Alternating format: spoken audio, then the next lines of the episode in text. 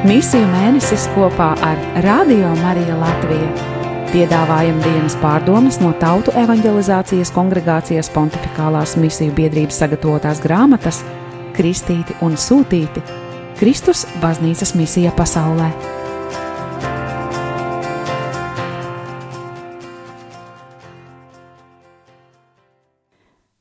Divdesmit septītais oktobris - Svētdiena, parastā liturģiskā laika 30. nedēļa. Lasījumi Sīraha dēla grāmata 35. nodaļa no 15b līdz 17. pantam un no 20. līdz 22. a pantam.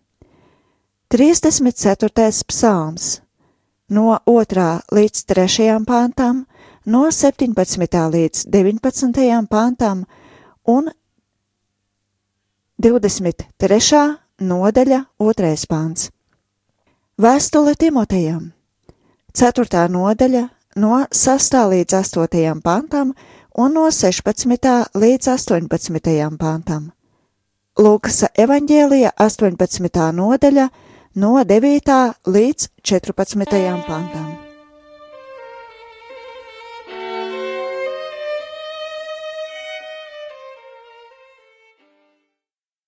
Gudrā sīraha dēla mācība, kas ir mantojums pravietiskai doktrīnai par taisnīgumu un dieva labvēlīgo mīlestību pret nabadzīgajiem un apspiestajiem, ved mūs uz īstām bibliskā garīguma virsotnēm. Atkārtotā likuma grāmata brīdināja, ka Dievs neliekuļo kādam par labu un neņem kukuļus. Atkārtotā likuma grāmata 10.17. Pretstatā cilvēkiem, kuriem ir savi favorīti, balstoties uz sociālajiem, rasu vai ideoloģiskajiem aizspriedumiem, uz pazemīgo dzīves rēķina. Šo mācību plaši piemēroja Jēzus savā sludināšanā un atbrīvošanas darbā, kā arī apstuļi un evaņģēlisti, kuri to skaidroja savos rakstos un izplatīja visā pasaulē. Dievs savā bezgalīgajā žēlsirdībā nekad nebeidz būt klāt visiem tiem, kuri apzinoties savas kļūdas un vājības, meklē viņa palīdzību un piedošanu. Savukārt lepnajam viņš ļauj apjukušam maldīties savu sirdžu skumjajās domās.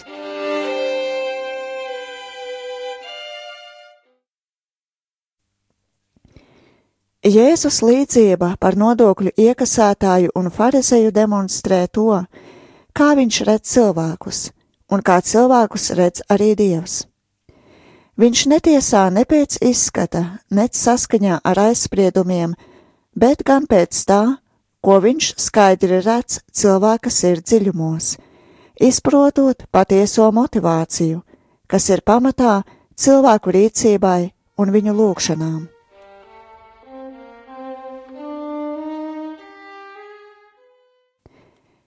Evanģēlijos mēs vispirms sastopamies ar domu, ka dievam nav favorītu.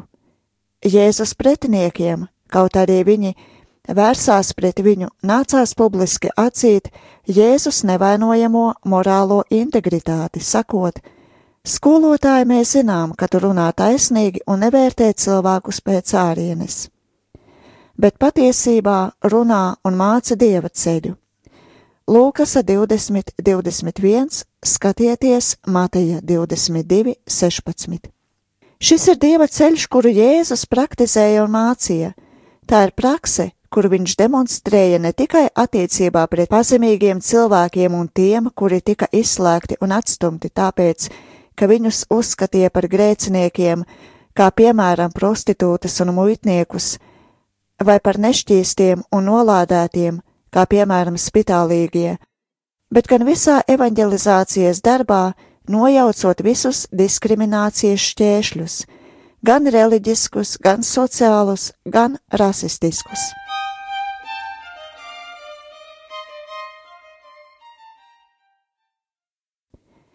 Jēzus piekrita uzklausīt Romas centuriona pazemīgo lūgumu un devās uz viņa namu, lai dziedinātu viņa kalpu. Vēl vairāk savos pastāvīgajos ceļojumos, kā ceļojošs skolotājs viņš apmeklēja samariešu reģionu un bieži slavēja tā iedzīvotājus. Dodoties pagānu teritorijās, viņš sasniedza Tīrijas reģionu un dziedināja sirofeniķiešu sievietes meitu. Šķērsojis Tiberijas ezeru, viņš devās Dekapolis virzienā un dziedināja cilvēkus, kurus bija skārušas dažādas slimības.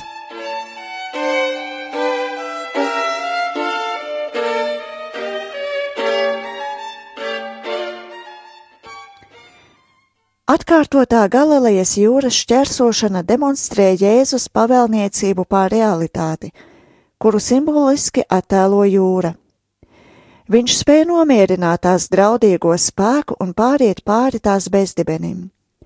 Satrakotā jūra, kas ir negatīvs simbols, vairs nedarbojas kā spēks, kas šķir, bet kļūst par tiltu, un caur Jēzus kalpošanu tas kalpo kā ceļš uz abu pušu jūdu un pagānu samierināšanu.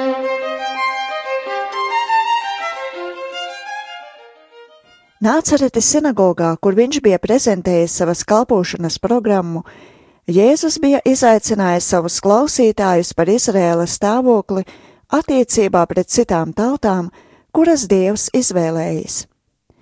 Klātesošie bija reaģējuši negatīvi, nosodot viņa apgalvojumu, par pareģojumu piepildīšanos. Piemēri par Ēliju, kas tika nosūtīts pie feniķiešu atraitnes, un Elīšu, kas dziedināja spitālīgo nāmanu no Sīrijas, bija pietiekami, lai parādītu, ka dievam nav favorītu. Visas radības ir dārgas viņa acīs. Kā psalmu teicējs saka, kungs ir labs visiem, un viņa maigums aptver katru radību. Viņš ir tuvu visiem tiem, kas viņu no sirds aicina. Psalmu teicējs nemin konkrētu rasi vai tautību, kā arī statusu vai ādas krāsu. Ja dieva mīlestība caurstrāvo visas radības, tad tas ir tāpēc, ka tās visas ir viņa darbs, un tādēļ viņa mīlestība ir universāla, kas rūpējas par visiem cilvēkiem bez jebkādas diskriminācijas.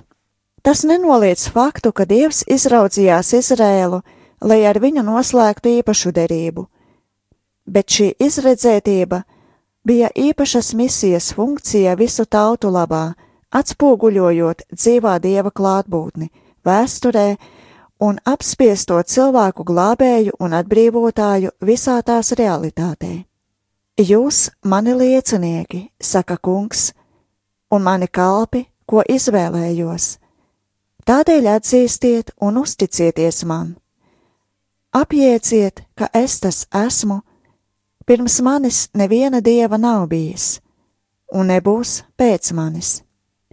Isaja 43, 10. Dievs patiesībā ir ne tikai izvēlējies savu kalpu, bet arī viņu veidojis un viņam norādījis.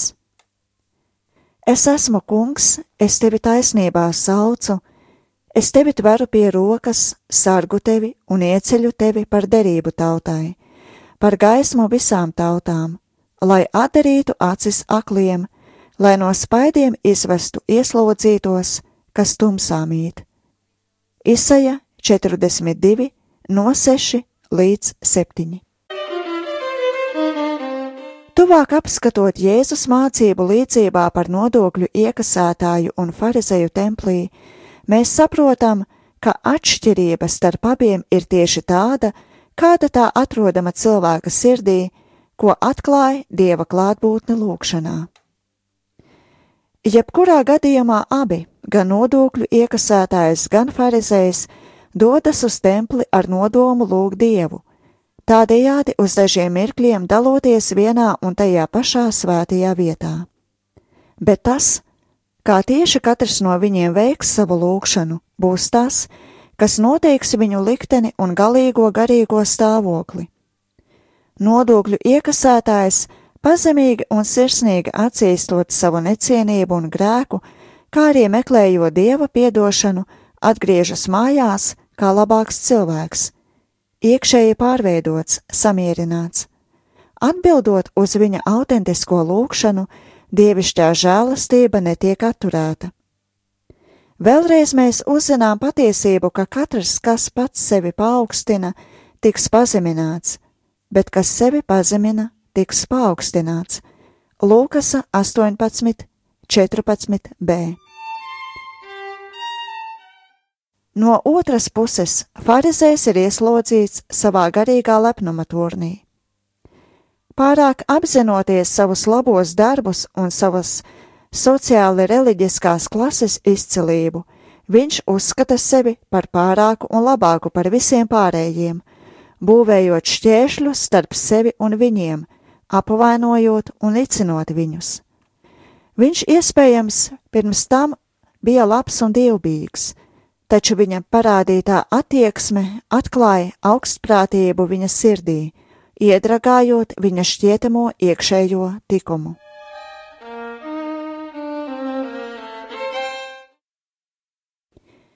Turklāt mēs netuvojamies Dievam templī, lai svinētu un pārdomātu sevi pašpietiekamā pozā, raugoties uz citiem no augšas. Mēs stāvam Dieva priekšā, lai sastaptos ar mīlestību un lai satiktu viņā citus.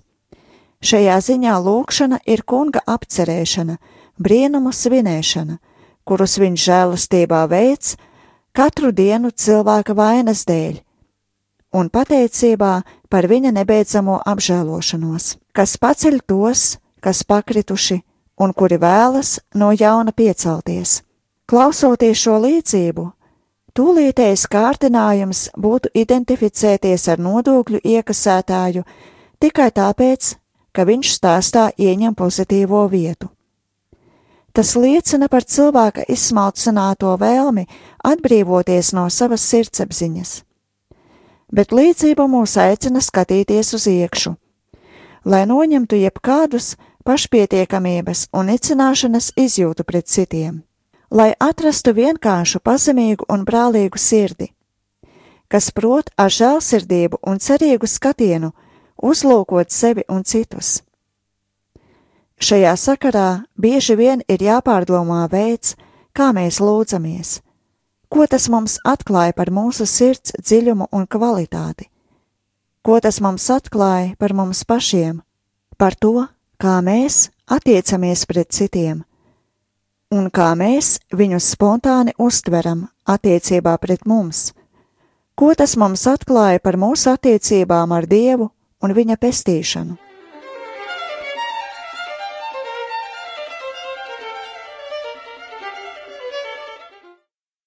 Pāvests Francisks mums pastāvīgi atgādina par lūkšanas centrālo nozīmi saistībā ar baznīcu un tās misiju.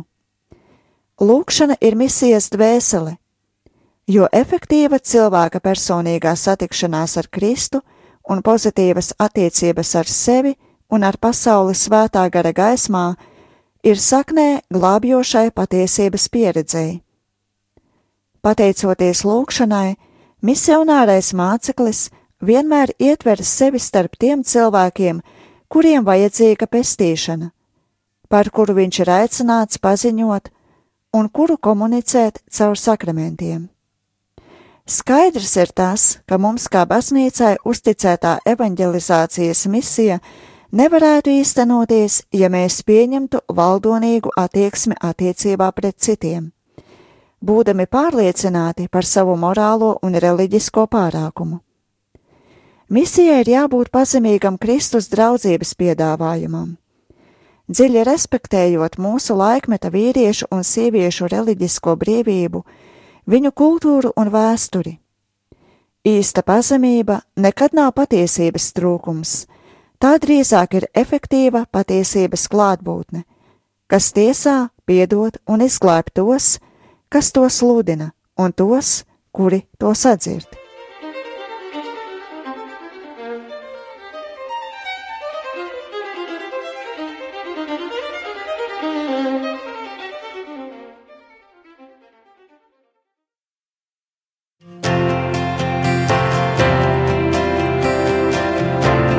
Dzirdējāt dienas pārdomas no Tautu evanģelizācijas kongregācijas pontificālās misiju biedrības sagatavotās grāmatas Kristīti un Sūtīti Kristus baznīcas misija pasaulē.